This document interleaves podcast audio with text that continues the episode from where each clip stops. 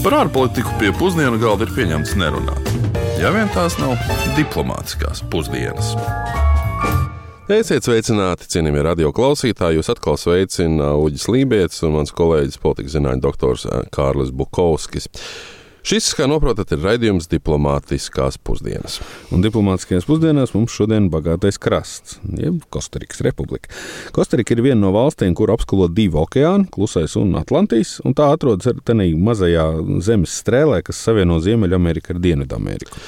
Nedaudz vairāk nekā 5 miljonus iedzīvotāju nelielās valsts galvaspilsēta ir San Jose, bet tā noteikti nav tā ASV pilsēta San Jose, kur atrodas Ziemeļkalifornijā un kurā izvietota tā saucamā Selīcija iela un arī San Jose Sharks komanda. Mm, jā, droši, jā, nē, nē, nē, tā ir no Kostarikas. Nu, Kostarika pati ir zināma uzreiz ar divām citām lietām, vismaz divām citām lietām. Pirmais ir bioloģiskā daudzveidība un centieni saglabāt vidi. Kostarika iekļuva ziņu virsrakstos pirms desmit gadiem ar to, ka aizliedz turēt nebrīvību dzīvēt dzīvniekus, nu, ja vien tie netiek glābti. Rezultātā pat zooloģiskiem dārziem nācās pārbūvēt visu savu infrastruktūru, lai izpildītu vidas ministrijas jaunās uzliktās prasības. Un kā blakus parādība uzrādās jauns biznesa veids - dzīvnieku rehabilitācijas centri. Tajos dzīvnieki tiek apkopti pirms tiek palaisti brīvībā savvaļā. Starp citu, Kostarikas nacionālais dzīvnieks ir baltastes briedis. Nu, automātiski liktos, ka valstī, kur ir desmitiem dažādu pērtiķu sugu, nu, varbūt kādam kapucīnam vai kādam mm -hmm citam būtu jābūt šajā godā, bet nē, tas tiešām ir Baltastes briedis, pazīstams arī kā briedis Bembijs. Mm, jā, bildīts varat paskatīties. Uh, visbeidzot, Kostarika noteikti kāds atpazīs pēc tās slavenās kafijas, nu, pēc tās zelta graudu, uz kuras valsts ekonomika ir pastāvējusi simtiem gadu. 19. gadsimtā fermeriem, kas pieteicās audzēt kafiju, tika pat piešķirta privāta īpašumā zeme. Un tieši pateicoties lielrūpniekiem, tā saucamiem kafijas baroniem, valsts spēja uzkrāt kapitālu un modernizēt ekonomika mūsdienās. Tādēļ arī šodien uz ielām kafiju tirgo ar cieņu pret to. Ja dzirdat, ka kāds eh, sauc eh, jodo vai jodito, tie jums piedāvā Kostarīgai raksturīgo īpaši brūvēto kafiju. Jā, šeit atcerējos, ka pirms gadiem 20 biju noskatījis Kostarikā vienu mazu kafijas plantāciju, kādus septiņus hektārus, bet tas, lai paliek manās romantizētajās atmiņās. Gan bet, jau, gan jau. Jā, bet tagad gan pastīsimies, vai par šiem Kostarikas faktiem vai citiem zinās, ko stāstīt arī Riharda Plūmes aptaujātiem Rīgas iedzīvotājiem. Kādas asociācijas jums būtu ar Kostariku? Kostarikā ir silts, eksotiski augļi un zils ūdens. Man vairāk kaut kādas asociācijas ar siltumu, tas ir simtprocentīgi, un atpūtu. Kostarika. Kostarika mums ir Centrāla Amerika, tālu, futbols noteikti. Latvijas Amerikas valsts droši vien lielai daļai asociējās, ka tur ir tieši tāds pats bardaks kā Meksikā, Bolīvijā vai vēl kaut kur citur. Centrāla Amerika, Latvijas Amerikā. Pieļauju domu, ka tur ir ļoti skaisti, tāpēc, ka valsts ir tuvu ekvatoram, daba ir pilnīgi savādāk nekā pie mums. Tas jau kaut kas siltāks man šķiet. Kaut kas varbūt, jā kur nav sniegs, kur varbūt tieši ir siltāk. Dzirdēts, protams, ka ir, bet um, nē, dzirdēt ir, jā, nē, nav nekāda, nu tā nav no valstīm, kas jums šeit ir uh, raidījumos, uh, tur pilnīgi nezināma valsts ar tādu nosaukumu, kad uh, jāmeklē kartē, bet, nu, jā, nekāda asociācija vairāk nav Kostarika. Spāņi centās kolonizēt Kostarikas teritoriju jau 16. gadsimta sākumā, bet tas nebija ne tuvu tik vienkārši, kā viņi bija iedomājušies. Proti, moskītu pilnie purvi, nežēlīgs karstums, pirātu aktivitātes, arī vietēju iedzīvotāju aktīvu pretošanās konkistadoriem neļāva spāņiem nostiprināties šeit. Un 1563. gadā viņiem tas beidzot tomēr izdevās, līdz 1821. gadā Kostarika un vēl virkne blakus esošo teritoriju pasludināja neatkarību. Sākotnēji Kostarika ietilpa centrālā Centrāla Amerikas apvienoto provinču jeb Centrāla Amerikas Federatīvās Republikas sastāvā kopā ar Gvatemolu, Salvadoru, Hondurasu un Nikaragu. Savienība gan nebija visai noturīga un saira jau pēc 16 gadiem. Valsts demokrātiskā sistēma Kostarikā ir bijusi Latvijai Amerikai neparasti stabila. Jau 1869. gadā Kostarikā tika ieviesta demokrātiskā pārvalde, un tā gan visnotaļ regulāri cieta no militāristu apvērsumiem un huntām. 1948. gadā 44 dienu garumā Kostarika piedzīvoja pilsoņu karu. Nu, tā rezultātā bojā gāja ap 2000 cilvēku, un tas skaitās valsts asiņainākais konflikts 20. gadsimtā. Tas liek aizdomāties, cik stabilai un miermīlīgai ir jābūt valstī, lai 20. gadsimtā no visiem gadsimtiem 2000 cilvēku zaudējums tiktu uzskatīts par viskatastrofālāko. Kara otrs rezultāts bija demokrātiskas konstitūcijas pieņemšana 1949. gadā, un tā arī nodrošinājusi demokrātiskas daudzpartijas sistēmas nepārtrauktu pastāvēšanu vēl šodien. Kostarikas demokrātija ir atzīmēšanas vērta vairāku iemeslu dēļ. Pirmkārt, slavenais Freedom House Kostarikas sniegumu vērtē kā ļoti demokrātisku. Pilsonisko un politisko brīvību ziņā valsts saņem 91 punktu no 100. Igaunijai šis rādītājs ir nedaudz augstāks, bet Lietuvai un Latvijai nedaudz zemāks par Kostariku. Otrakārt, valsts konstitūcija atrunā divus aspektus, kuri ir relatīvi netipiski. Proti, Kostarikas iedzīvotājiem ir konstitucionāls tiesības uz dzīvi tīrā un dabiskā vidē. Un tas, acīm redzot, ietekmēs arī šo dzīvnieku brīvlaišanas aspektu aspektu, ko iepriekš jau pieminējām. Otrs aspekts, kurš padara Kostariku visnotaļ unikālu, ir, ka tai nav armijas. Nu, acīm redzot, huntu pieredze noved pie tā, ka militāristi kā profesija tika pilnībā atcelt. Nu, par valsti bez savas armijas tūlīt parunāsim vairāk, bet es vēl nedaudz pie tās demokrātijas gribēju vienu aspektu pieminēt. Proti, Kostarika ir dalība valsts starptautiskā organizācijā ar nosaukumu Demokrātiju kopiena. Tā tika izveidota 2000. gadā Varšavā, un deklarāciju parakstīja savulaik 106 pasaules valsts. Šī jūnija Varšavas deklarācija paredz, ka valsts apņemas sekmēt demokrātiskumu pasaulē un starptautiskajās institūcijās. Procesa virzītāji bija tā laika poļu ārlietu ministrs Broņislavs Geremeks un ASV valsts sekretārs sekretāre, jeb nu, ārlietu ministre, slavenā Madlēna Olbraita. Interesanti, ka Kostarika un uh, Lietuva ir starp uh, uzraugošās padomus valstīm, kuros ietilps kopumā 31 valsts, bet ne Latvija, ne Igaunija nav. Un iespējams, ka jāpadomā par šo aspektu arī Latvijai šobrīd kandidējot uz ANO drošības padomi un paplašinot savu līdzdalību arī attālākos pasaules reģionos. Kostarika arī tiek atzīta par 35. pasaulē demokrātiskāko valsti ar 8. labāko rādītāju preses brīvības ziņā. Nu, jebkurā gadījumā tas ir ļoti respektējams rezultāts, bet es tomēr gribēju detalizētāk aplūkot to iepriekš minēto faktu par to, ka Kostarika ir viena no ļoti nedaudzajām valstīm, kurām nav pastāvīgu bruņoto spēku. To, ka Kostarikai nedrīkst būt regulāra armija, juridiski nostiprināja pēc uh, iepriekš arī apspriestā pilsoņa kara un pieņemtās konstitūcijas 12. pants. Un to, kādu iespēju šis atstāja uz valsti plašāk, ko, šis praktiski un politiski Kostarikai nozīmē, to mēs vaicājām Rīgas Stradiņu universitātes docentam un arī TV3 žurnālistam doktoram Edijam Bošam. 40. gadu beigās uh, Kostarika pieņem lēmumu mums nebūs bruņoto spēku. Un tas tiek nostiprināts arī konstitūcijā. Mēs esam valsts bez armijas. Protams, ka valstī ir savi mm, policijas spēki un drošības spēki, bet tie ir tādi nu, likumi. Likuma uzraudzības un izpildes iestāde. Tad bruņoto spēku valstī nav. Un tas ir netipisks piemērs, bet tas rezonē tīri filozofiski ar ar, šī, ar šo pacifistisko ideju, ar ko mēs politikas analīzēm, starptautiskās politikas analīzē, tā skaitā militāro lietu analīzē, sastopamies bieži vien, un kas ir vienkārši interesanta lieta, par ko paprot, paprātot un padomāt. Proti, ja, ja jau mums ir viena valsts, kurā ir izdevies nu, tā, veiksmīgi realizēt pacifistisku aizsardzības politiku, uh, tad varbūt arī citas valstis to varētu realizēt. Un, un pacifistiskām idejām, pacifistiskai domai, protams, ir sava vieta politikas filozofijā, jo ideja jau pat par sevi ir sena un nu, izklausās ļoti labi. Nu, pasaules reliģijas, vismaz daļa no tām, filozofiskās sistēmas, ar, ar nevardarbības priekšstatu attīstīšanu ir nodarbojušās gadu tūkstošiem. Ja? Ir tīpaši pēc pasaules kariem idejas par to, ka vai mēs vardarbībai, karam nevaram atrast veidu, kā tam pielikt punktu. Šīs idejas ir mūžam aktuālas. Um, Vēl jau vairāk kodolieroču laikmetā, kurā mēs dzīvojam pēc otrā pasaules kara. Ja, kodolieročiem ir potenciāls pielikt punktu civilizācijai kā tādai. Līdz ar to nu, ļoti leģitīma doma varbūt mēs varam tikt vaļā no tiem ieročiem.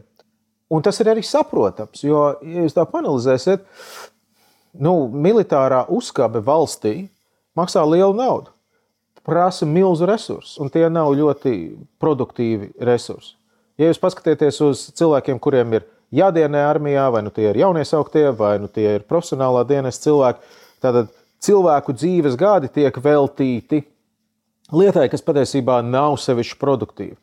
Um, nu, cilvēki varētu ar daudz lietām nodarboties, kurā ir lielāka pievienotā vērtība vai sabiedrībai kāds ieguvums. Um, ja mēs būtu ideālā pasaulē, vidē, kurā mums ar šāda veida um, militāriem lietām mēs nebūtu spiest ar to nodarboties. Tas būtu lieliski, ja mēs nebūtu spiest ar to nodarboties. Ja? Un tātad ne tikai no izmaksu un resursu tērēšanas viedokļa, nu, bet arī no, no morāles viedokļa. Vai tas ir piemērs?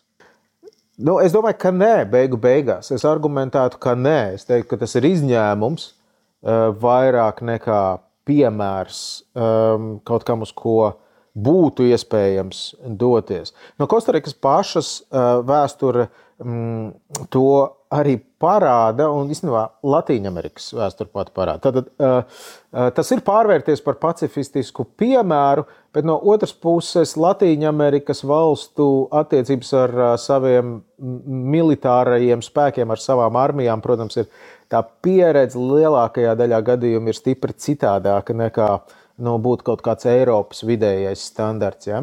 Tad Kostarikā bruņoties spēki tika, mm, tika viņiem šiem spēkiem pielikts punkts pēc kārtējā militārā apvērsuma. Ja, ja tādi bruņotie spēki ir tātad, iekšpolitisku apvērsumu un dažādas nestabilitātes, iekšpolitiskas nestabilitātes avots, tad, tad jūs kā sabiedrības bruņotajiem spēkiem skatāties gluži citādāk.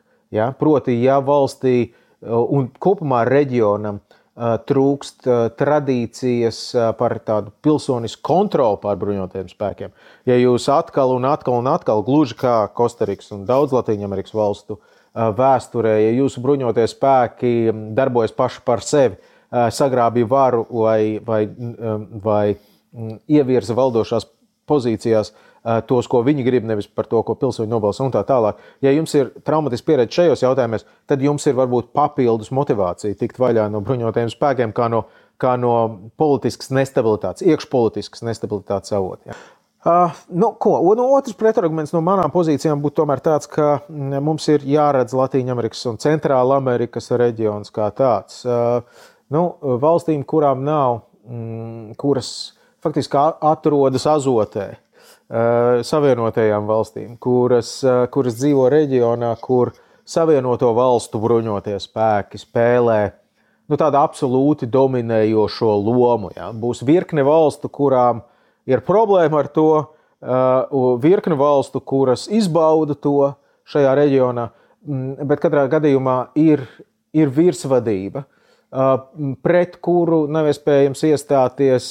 Nu, tev, tev īsti nav jēga no armijas, tāpēc ka tas, tie, tie, tie resursi ir, ir nesalīdzināmi. Ja? ja Savienotās valsts savā pēdējo 100 un 150 gadu vēsturē ir reiz pa reizē veikušas intervences dažādās Latvijas valstīs, tad, lai arī kādi būtu šo valstu militārie resursi, tie, nu, tie, tie ir bezjēdzīgi iepratim iepratīm Savienoto Valstu resursiem.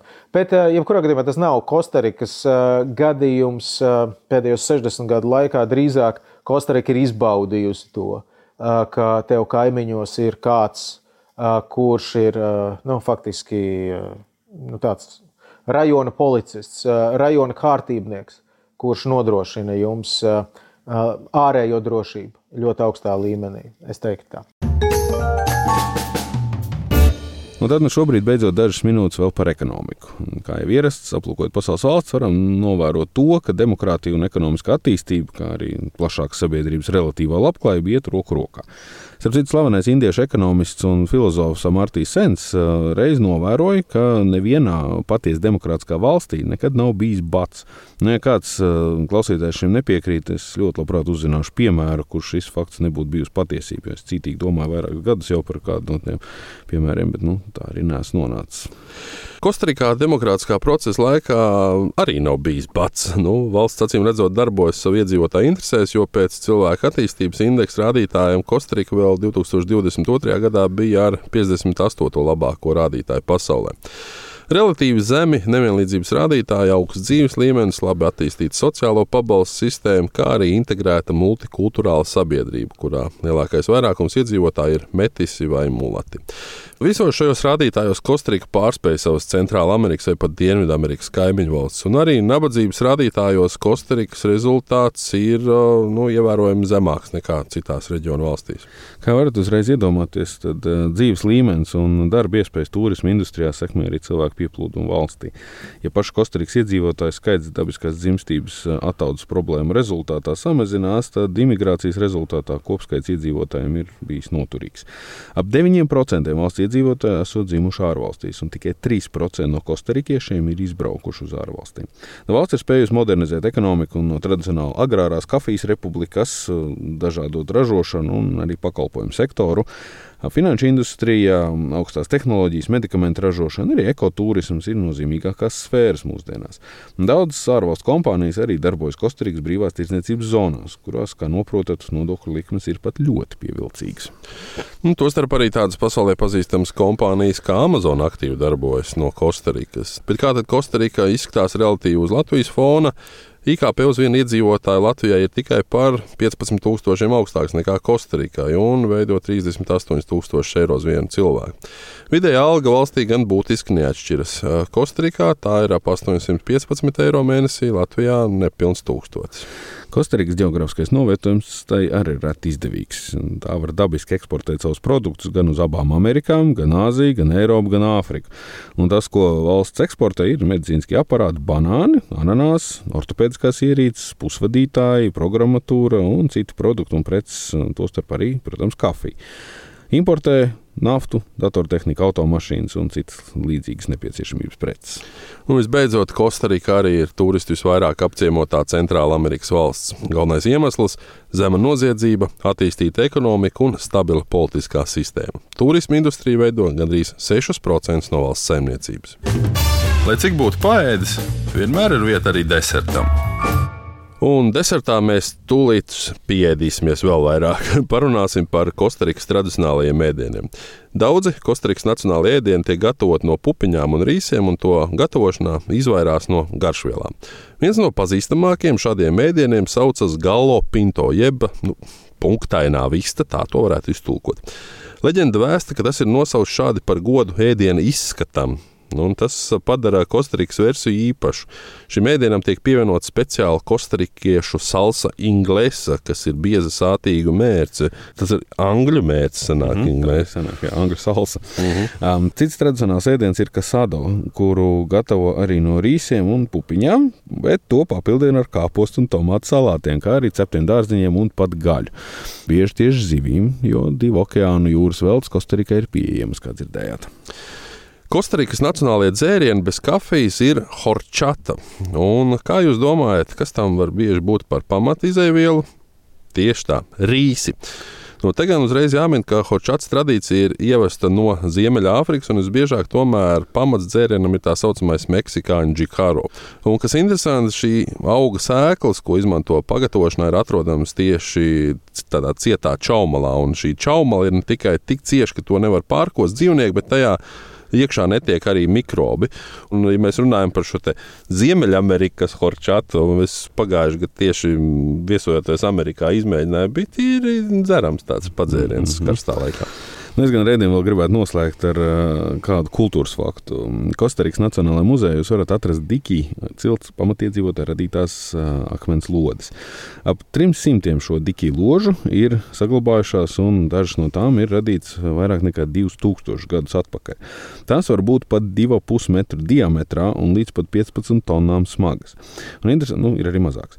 Interesantākais, ka materiāli to izgatavošanai nav atrodami vietās, kur lodes ir atrastas. Attiecīgi, vai nu šie UNESCO mantojumi ir atripināti no kalniem, vai arī atnesti ir bluķi, kurus tad uz vietas ir apstrādājuši.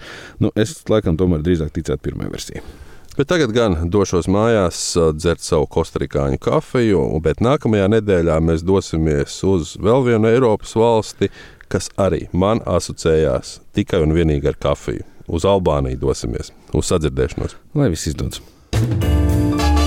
Diplomātiskās pusdienas katru otrdienu pusdienos Latvijas Radio 1.